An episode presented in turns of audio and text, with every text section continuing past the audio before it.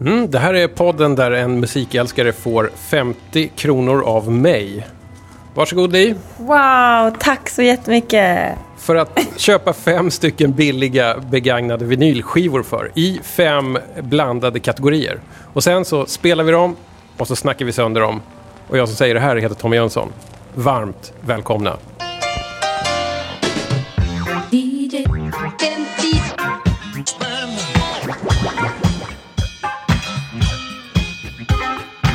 Ja, och dagens gäst heter Lee Stanley. Hej! Hej! När hörde du senast en riktigt gammal låt som du blev kär i? Idag. Idag? Vad var det för Ja, något? Unchained Melody i The Fleetwoods-versionen. Fantastiskt. Jag vet inte om jag har hört den. Eller Nej. har jag det? Jag vet inte om du har hört den. Vi får lyssna på den sen. Jag ska säga så här att Li, du jobbar som någonting som heter Music Supervisor. Vad gör man på jobbet hela dagarna då? Då eh, lyssnar man på väldigt, väldigt mycket musik. Ja, alltså man jobbar med musik mot alla typer av film kan man säga. Vad- Är det du som bestämmer då på något sätt att den här låten kommer höras här? Ja, i princip. Eller vi är ju ett team liksom eh, på där jag jobbar. Men eh, absolut, ibland är det så. Ibland är det så att liksom min vilja absolut går igenom. Det låter ju Men- ungefär som världens bästa jobb. Men det är världens bästa jobb. Och då har jag förstått att det här kallas för att man liksom håller på med synkar. Precis. Kan inte du förklara vad det här begreppet synk? Ja, det, det här är liksom, för mig är det ganska nytt. Jag har Ja. liksom inte hört det användas förrän typ i år. Ja, är det sant? Ja. Ja. Uttrycket kanske är relativt nytt, jag vet inte. Ehm, det är alltså, jag tror att den liksom direkta förklaringen till vad en synk är, är när, liksom, när musik och film möts. Då blir det liksom en synchronization. Man jobbar mycket mot eh, reklamfilm, långfilm, trailers, tv, mest reklam. Ja. Och så kanske är det väldigt viktigt att det är rätt låt i en reklamfilm för en viss vara till exempel. Att Ja, det finns någon slags idé där. Och sen Ja. gissar jag på att det kanske är en del byråkrati för att det sen ska kunna funka. Ett typiskt exempel kan vara Åh, vi vill ha changes med Bowie. Men vi har visst bara Vi har inte tusen råd. kronor. Nej, men inte riktigt. Men eh, ja, vi har inte råd med den. Ha- Har ni några alternativ? Mm. Sen är det också världens sämsta referens med changes med Bowie. För det, det finns typ inget som är som changes med Bowie. Men om man tänker en annan typisk brief som man brukar få är typ så här. Eh, har ni något som är happy, uplifting, instantly recognizable och inte så dyrt? Har du det här i huvudet eller Ja, liksom? Absolut. Du kanske är en sån som så här, taggar musik med uplifting, happy och Nej, det gör jag faktiskt inte. Eh, taggarna finns här uppe och så. så.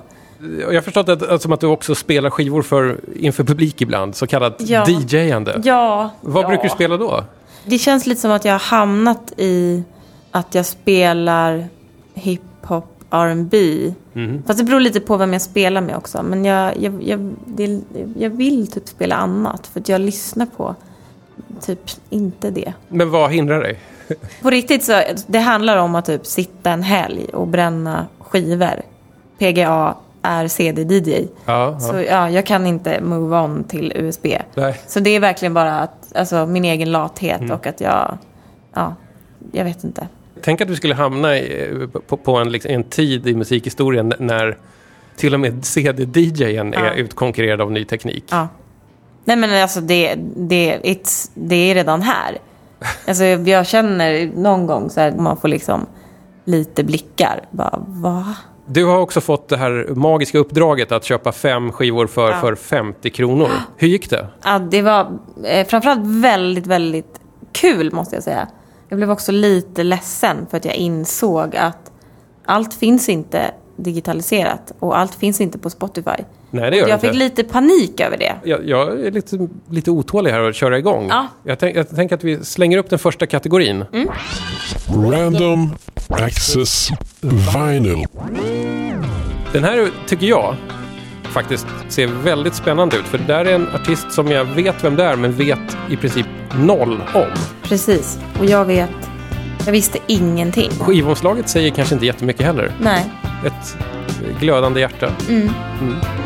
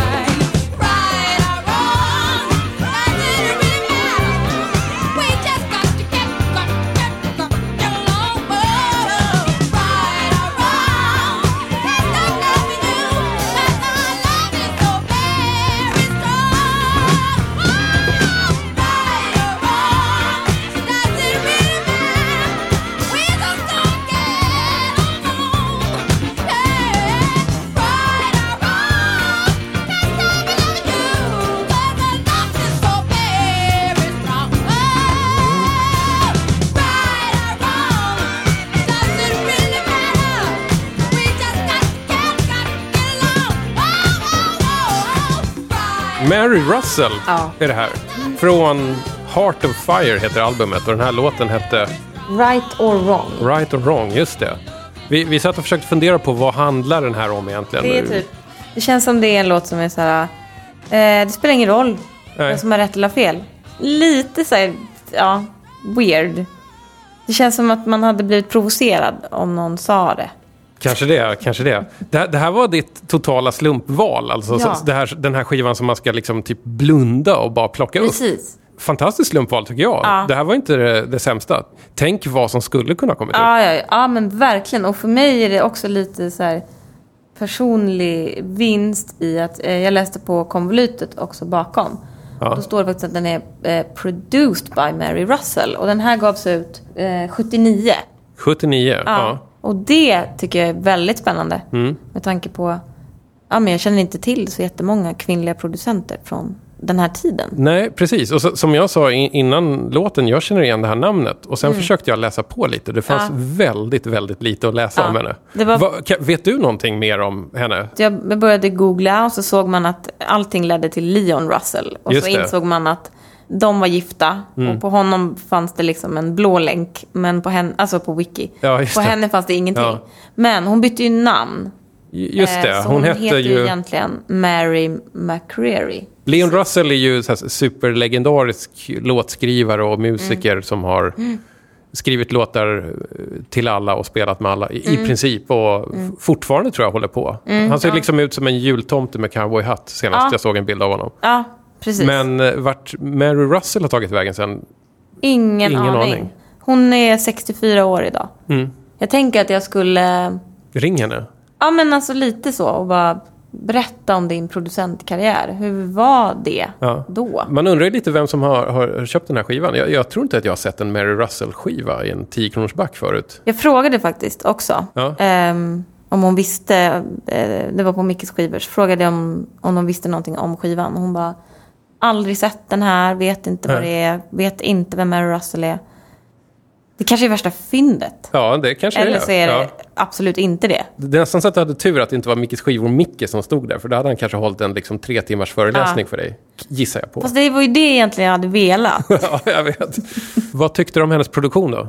Jag tycker att det är jättebra. Det är lite svårt att liksom att uttala sig så också. Så himla tråkigt svar. Ehm, Jag, jag gillade att det var ganska rivigt. Det var drag från första sekunden i princip. Det var, det var någonting fint med liksom så här, vet, sånt här konstigt, lite så här tweakat eh, 70-talssound på pianot. Ja, men du vet, det. lite sånt där som ABBA Ja. höll på med om de Ja. hade liksom dubblat ljudet på någon rullband. Eller jag vet Ja. inte vad, man, vad, vad det är för teknik Men bakom det. tyvärr, alltså, det känns lite som att den liksom... Mm. Det var inget som liksom greppade tag. Nej, Jag måste också lyssna kanske på hela albumet också för att få en Exakt. känsla för liksom nu, nu bestämde vi precis i, innan vi satte igång ganska snabbt för att ja. Ja. men vi, tar, vi tar den här låten, den, den är säkert bra. Och sen valde vi den också av den anledningen att den är skriven tillsammans med Kim Fowley. Precis. Som är kanske mest känd för att han var manager till The Runaways. Eller att han i princip satt ihop bandet. Ja. och har skrivit låtar till Kiss och Alice Cooper och många andra. Men, Mm. men att det också är en sån där, har jag för mig lite grann, en ful fisk i Mm. musikindustrin. Har varit känd som. Men en annan intressant sak var ju att hon, eh, hon var tidigare med i ett band som heter Little Sister också. Just det. Som Mm. var, om jag har förstått det rätt, bakgrundssångerskorna till Sly Family Stone. Det är en ganska fin Ja. merit på CV. CVt. De var väl typ så här kören till. Precis. Då tycker jag det blir ännu konstigare. Varför är hon inte mer omskriven? Det är ju Exakt. liksom lite... Alltså hon, ja. har, hon har liksom inte ens en wiki-länk. Hon har släppt flera soloalbum. Det här är inte liksom det första, men det här är kanske det, det första som, där hon heter Mary Russell. Jag vet att det finns en Mary McCreary soloplatta. Mm. Alltså, jag ska nog mejla henne. Ja, nej, men jag tycker du ska göra. Men Det då är måste mitt du, mission in life. Men om hon svarar så måste du berätta för mig Ja, hur- vad, vad, vad, hon sa. Ja. Ja, jag, jag tyckte att det här var en suverän start i alla fall. Att, Mm. du, att du liksom slumpade upp den här grejen. Det betyder någonting. Men nu hoppar vi vidare till Nostalgiköpet. Ja. den här. Mm. Är lite, för mig, väldigt mycket Blast from the Past också, måste Ja. jag säga. Men det, det, det ska vi prata lite mer om snart. I'll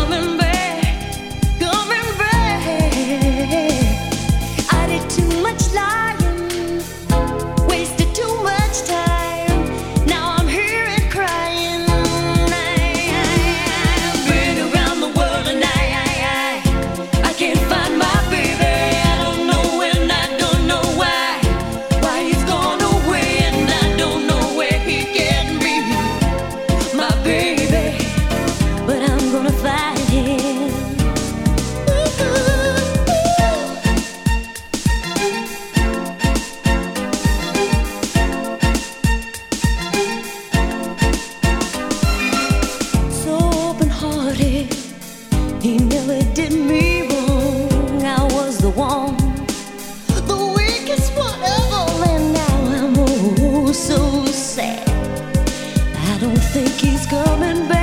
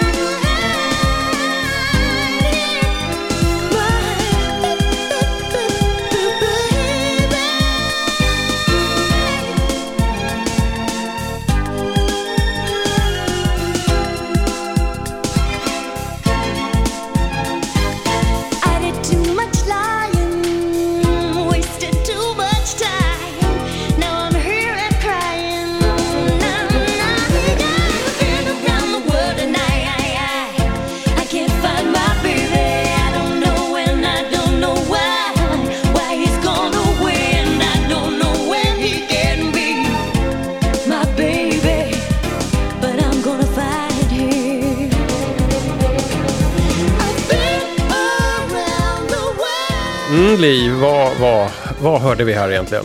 Här hörde vi eh, All around the world med Lisa Stansfield. Från Affection heter albumet. Du har, du har hittat hela LPn här. Ja, Från 89 va? Eller Ja. vad fasen är det?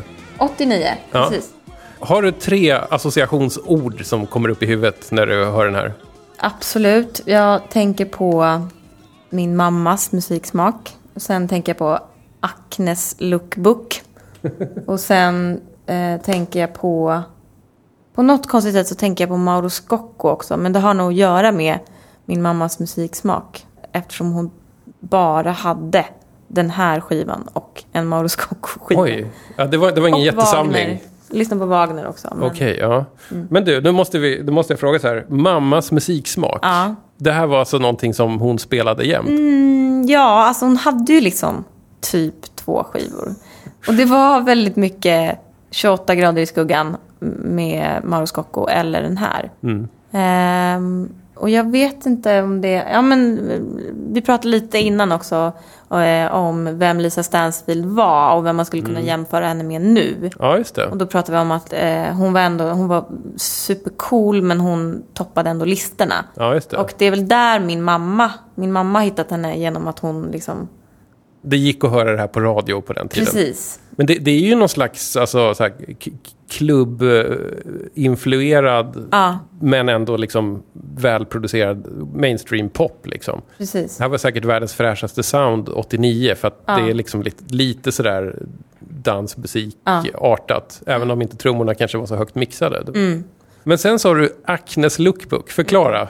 Det, om man tittar här på, hon ser fri, alltså, Ja, vi får nu nästan har den beskriva. fått mycket skit. Ja. Själva lookbooken. Och det vill Ja. jag inte att Lisa Stansfield ska Nej, få. Nej du, du håller upp omslaget här. Hon, Ja. hon är ganska svartklädd men hon har en sån här jättestor eh, pösig gubbkeps. Eller vad, Och- rumpnissehatt. Rumpnissehatt. Ja. Ja. Det är någonting Nils Karlsson Pyssling-artat. liksom. Och Ja. vänder du på baksidan på omslaget så är det liksom väldigt mycket... Det är för korta byxor och någon konstig rock. Ja, och och, lite här, låga Dr. Martens och Ja, så brett skärp. jag förstår vad du menar. Alltså Acnes lookbook. Alltså det är Acnes lookbook för kommande säsong tror jag. Det här Ja, har dykt upp på internet och väldigt många har gjort sig lustiga över det här. För att, Mm. Jag kan nästan inte beskriva, men, men googla upp det och kolla på det för att det, det ser faktiskt ganska crazy ut. Det är någon slags, eh, det är någon slags sagofigur gone bad. Liksom. Du, vad sa du som ditt tredje liksom, associationsord? Var, Mauro det var Scocco. nog Mauro Scocco där för att han Ja. liksom... Det var ju då den andra skivan som mamma Ja. hade. Jag har en liknande tanke i att det här känns ju inte helt väsensskilt eh, från när Lisa Nilsson gjorde en platta med Mauro Scocco. Det var. Det ju var också liksom så här, lite lyxigt, lite melankoliskt. Ja, Kanske lite en koppling till liksom så här, vit soul eller Precis. liksom, och lite så här klubbsvängen som det kanske var då, runt 1990. och sen tänker jag också om man tänker visuellt att Mm. de inte har, alltså att det, det finns någonting, en koppling där också till Lisa Nilssons albumcovers. Där har du det. Mm. Kvinnor som fotograferar svartvitt. Den här hittade du för typ en tia, Ja. gissar jag på. Är, är det rätt eller fel att Lisa Stansfield står i, och reser ut för alltid för 10 kronors backen och kanske inte jättemånga plockar upp skivorna? Nej, jag tycker det är fel. Alltså, jag får liksom dåligt samvete för att kvinnor hela tiden liksom skrivs ut ur musikhistorien. Och, Fa- Fast i ärlighetens namn, det är ganska många män som också gör det. Vi, vi kommer Ja, att återkomma kanske. till en sån snart. ja, ja, men jag liksom, jag vet inte. Jag, jag vill... Vad hände? Ja. Lisa. Jag vet att hon då och då dyker upp i brittiska tv-serier nu för tiden, Ja. alltså som skådis. Och det tror jag har gått hyfsat bra, men, men Mm. musikkarriären... Det var ganska länge sedan jag hörde en Men ny låt av henne. Kan man liksom jämföra henne med Craig David?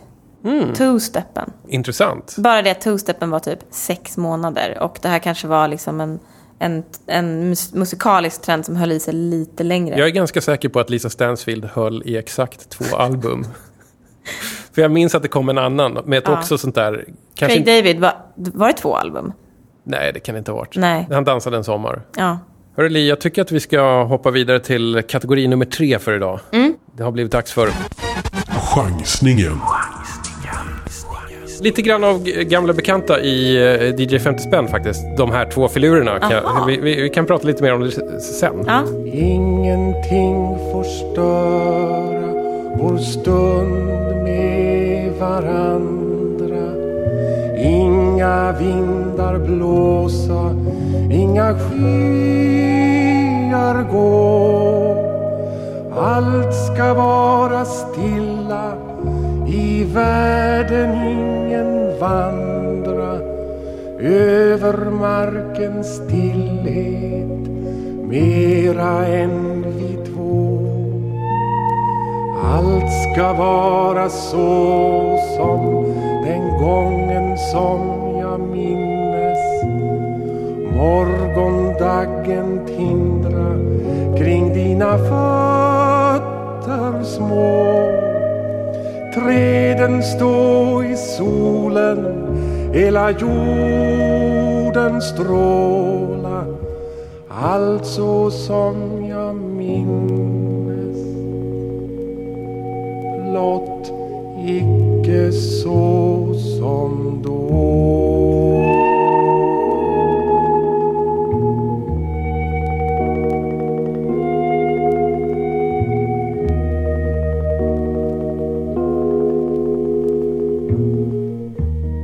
Nu hörde vi Ingenting får störa vår stund med varandra. Om jag förstått det rätt så är det alltså en, en, en tonsatt dikt. Och dikten är skriven av Per Lagerkvist. Och den här mannen som sjöng är Rune Andersson. Precis. Men det är inte hela liksom, paketet på den här skivan för då Nej. får man också Lena Nyman på köpet. Ja, Det var inte så länge sedan faktiskt som Lena Nyman och Rune Andersson var med på, eh, i DJ 50 spänn med en annan skiva som de gjorde tillsammans. Så att de, har, de har gjort flera stycken sådana här eh, kärleksdikter som är tonsatta och insjungna av dem. Och det verkar som att deras grej är att de kör varannan låt på skivan. För de sjöng inte tillsammans utan det var en röst. en var. Varför chansar du på den här? Först och främst så tilltalades jag väldigt mycket av bilden. För att jag relatade lite och för att jag gillar Lena Nyman. Vem älskar inte Lena Nyman? Precis. Eh, Men du får nästan beskriva omslaget. Ja, men det är alltså, det är, eh, skivan heter Älskade.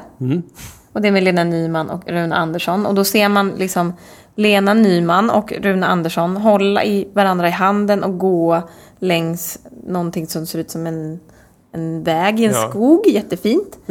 Det, och sen är Rune liksom Han, han är jättelång. Han, han, är som en, lång. han är som en Hulk. Fast med Gustav Vasa-frisyr. Helt klädd i liksom blå denim.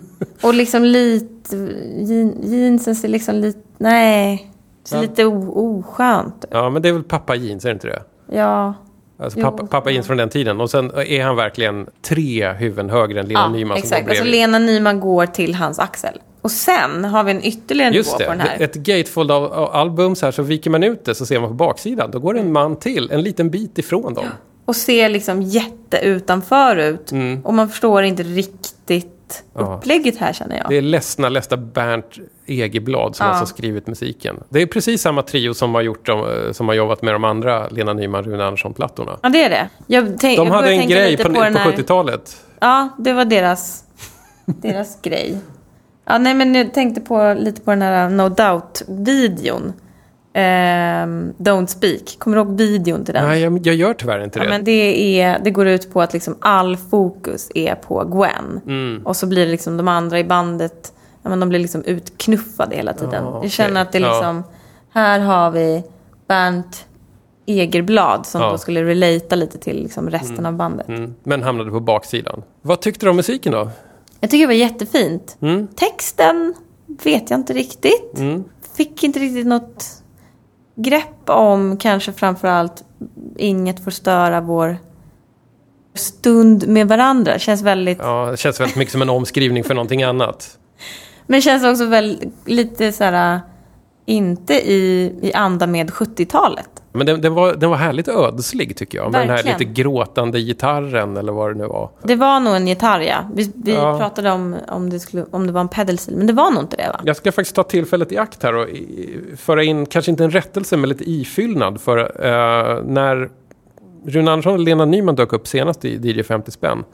Då var det Johannes Klenell som är redaktör på Galago som hade med sig den skivan. Då pratade vi lite grann om det, så jag undrar vad de har ihop och sådär. Och då fick jag här, på Twitter ett sånt där direct message från en, en eh, väldigt kunnig herre som heter Kalle Lind i Malmö som vet allt om eh, gubbar på 70-talet framför allt.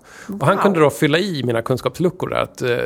Rune och Lena, de var ihop. De gifte sig till och med efter ett tag. Eh, och har liksom samarbetat inte bara på skivor utan Rune Andersson är faktiskt med i Ronja Rövardotter-filmer som en av Mattisrövarna. Och det är ju Lena Nyman också. Aha. Så det och det, var det här ja, under perioden de var tillsammans? Det vet jag inte Får vi helt fråga säkert. honom? Ja, det, det, mysteriet kvarstår. Men det, så, så mycket i alla fall vet jag. Jag försökte kolla upp hur, hur länge Rune Andersson har släppt skivor. Och den senaste grejen han släppte var från 1999. Så att Okej. han har ändå hållit på. Är han från Stockholm? Det minns jag faktiskt inte. Nej. Nu, vet du, nu, nu har jag det här. Oh, vad härligt. Att du har köpt den här. Att den här kommer tillbaks. Och det här är ett sånt härligt samtalsämne. Det här tar liksom aldrig någonsin slut. Skivbörsklassikern.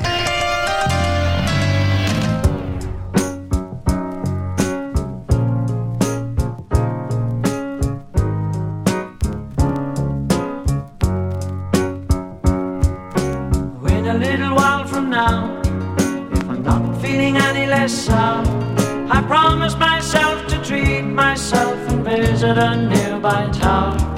And climbing to the top, will throw myself off in an effort to make clear to what it's like when you're shattered, left standing in the lurch at a church where people were saying, My God, that's tough. She stood him up. No point in us as well go home as I did on my own, alone again. Naturally, to think that only yesterday I was cheerful, bright, and gay, looking forward to wouldn't do the role I was about to play. But as if to knock me down, reality came around, and without so much as a mere touch, cut me into little pieces, leaving me to doubt. Talk about God in His mercy, if He really does exist, why did He desert me in my hour of need? I truly am indeed alone again, naturally. It seems to me that there are more hearts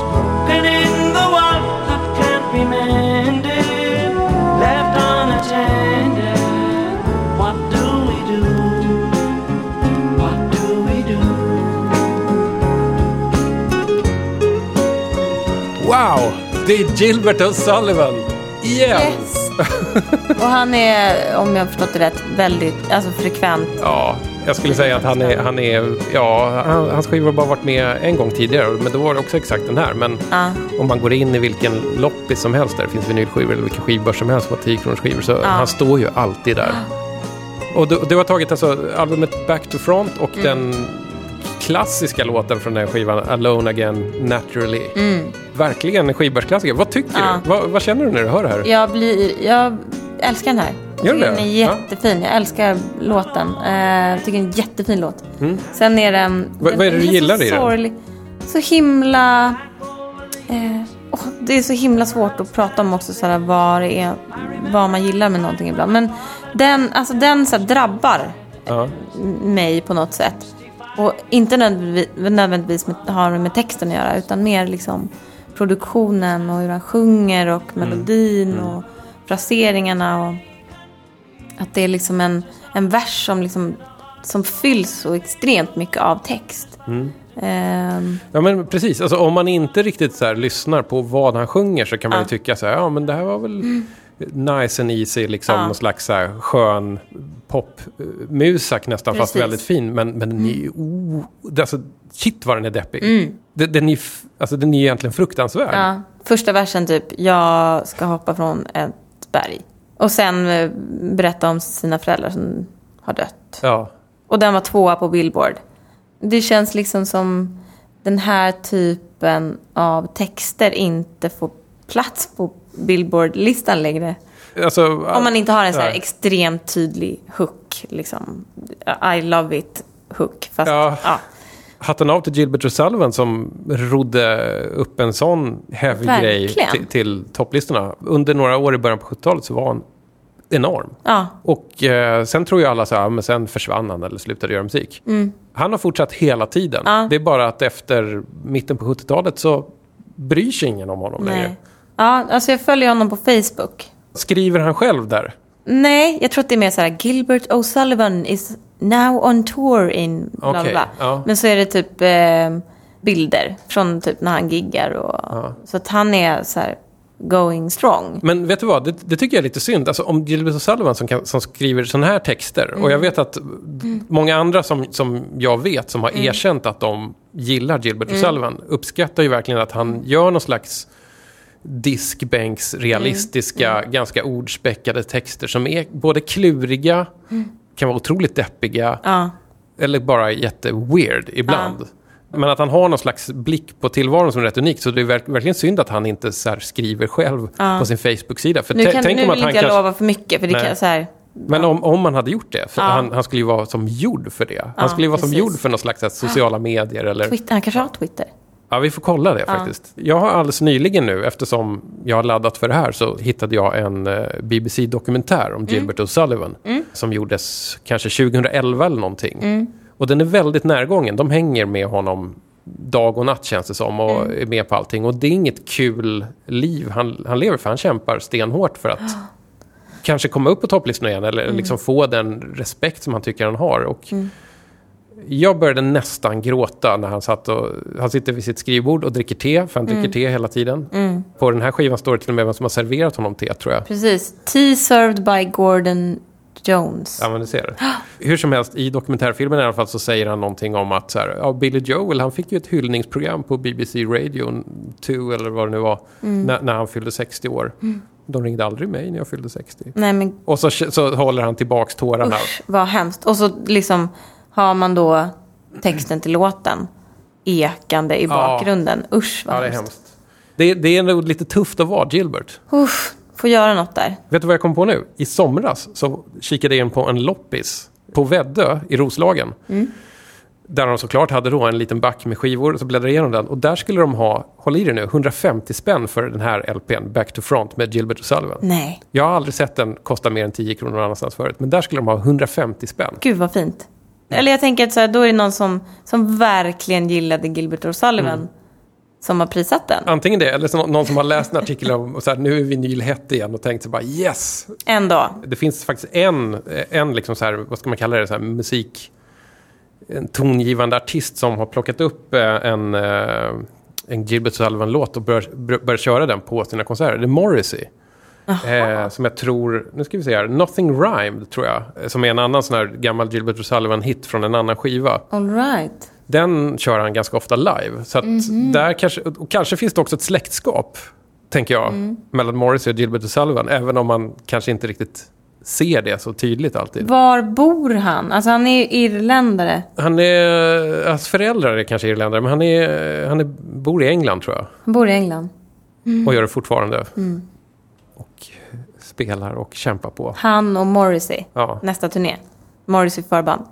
Nog om Gilbert. Det är en skiva kvar nu. Fyndet.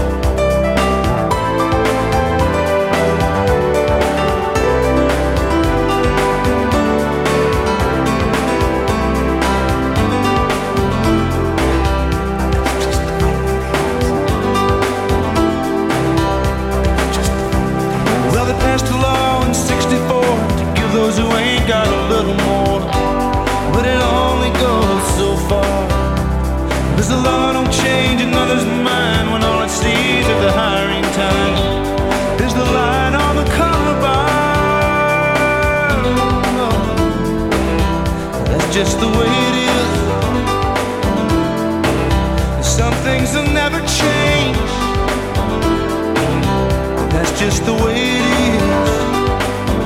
That's just the way it is. It is. Mm, Li, vem är det som sitter och ha- hamrar så här härligt på flygeln egentligen? Det är ingen mindre än Bruce Hornsby. Bruce Hosby and the Range till och med som hans band heter. Precis. The Way It Is heter Ja, den. precis. Från albumet som är fantasilöst nog också döpt till The Way It Is. Ja, Varför krångla till det? För det är väl den här låten som är låten med, Ja. med Bruce Hornsby. ja, absolut. Kan vara så att jag aldrig har hört en annan låt av Bruce Hornsby. Nej, och om man tänker liksom fynd så Ja. får det liksom, ja, det var liksom lite min, eftersom den har en sån liksom en annan historia också. Jaså? Eller för mig är det liksom så extremt mycket Tupac Ja. changes. Ja, ja, såklart. Ja. Det här är ju pappa-musik Mm. egentligen. Ja, Det är ganska ocoolt.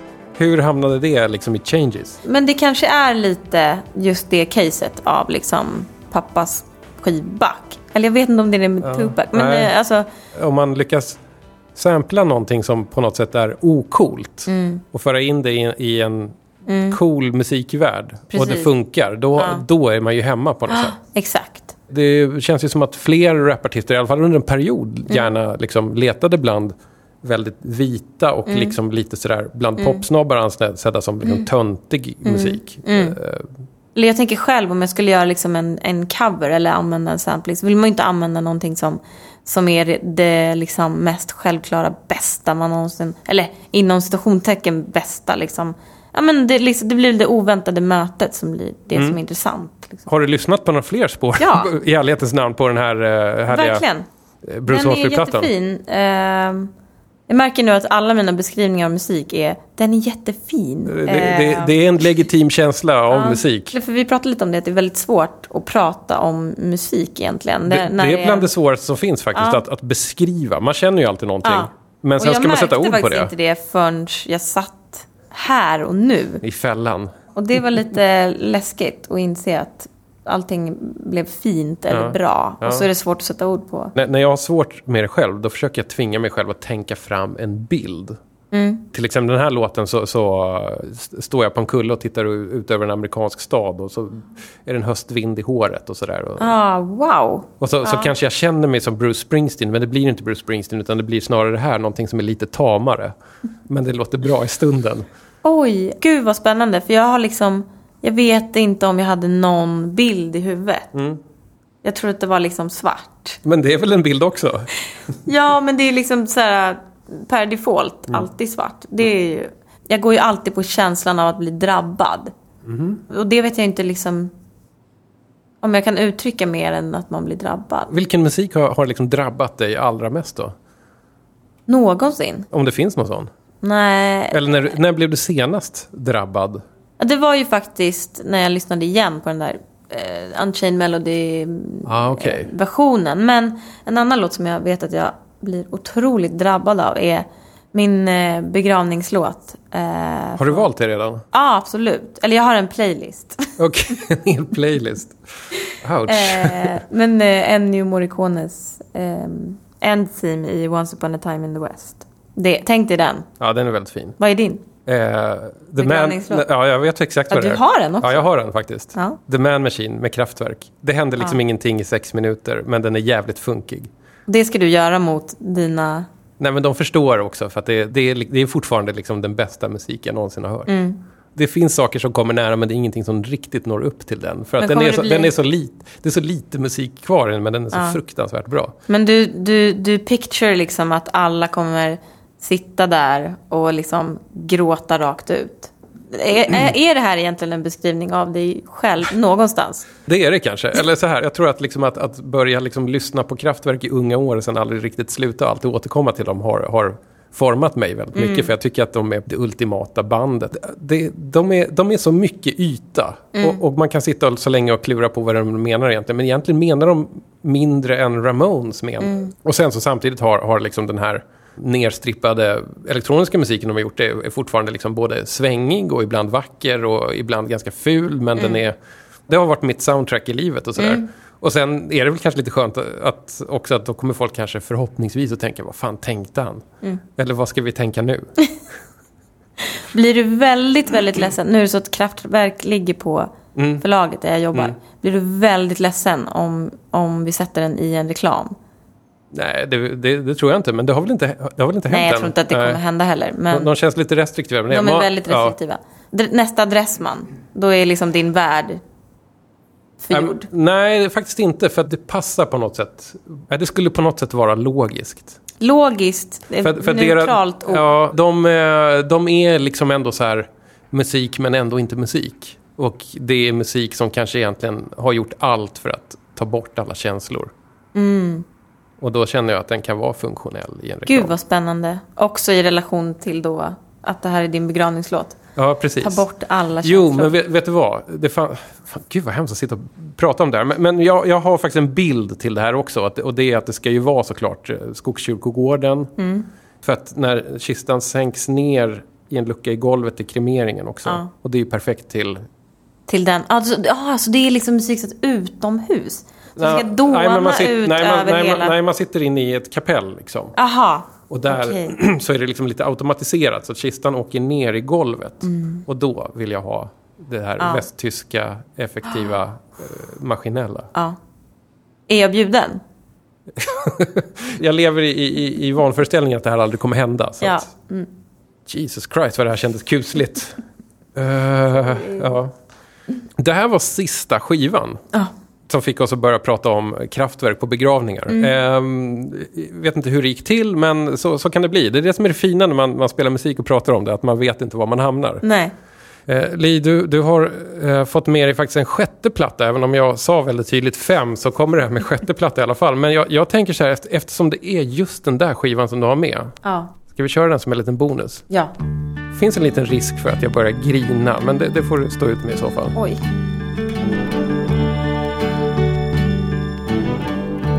Skuggor leker på min vägg.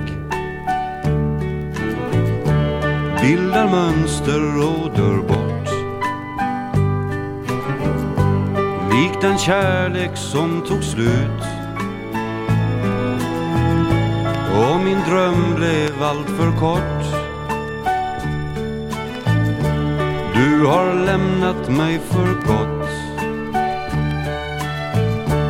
Det är ingen hemlighet. Sen du gick känns allt så svårt. Hjälp mig ur min ensamhet.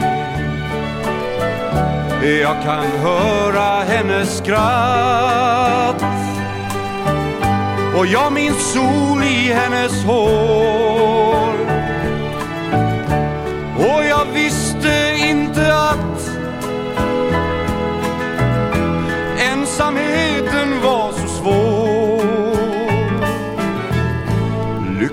Som fanns här igår, den är borta och jag vet. Den försvann i hennes spår. Hjälp mig ur min ensamhet. Mm,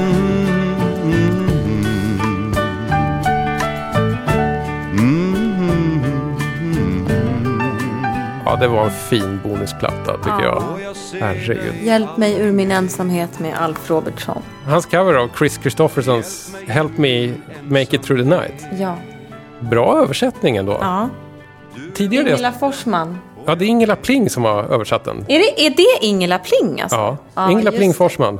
Det är roligt också för då vet jag att vi antagligen har lite på den här låten. Så är det så? Vad härligt. Genom jobbet. Ja. Det här är ganska nytt för mig, men jag har förstått Alf Robertsons storhet ganska nyligen. För mig är han, jag vet inte vem det är. Skivan är tilldragande. Ja, Eller han är liksom, ja.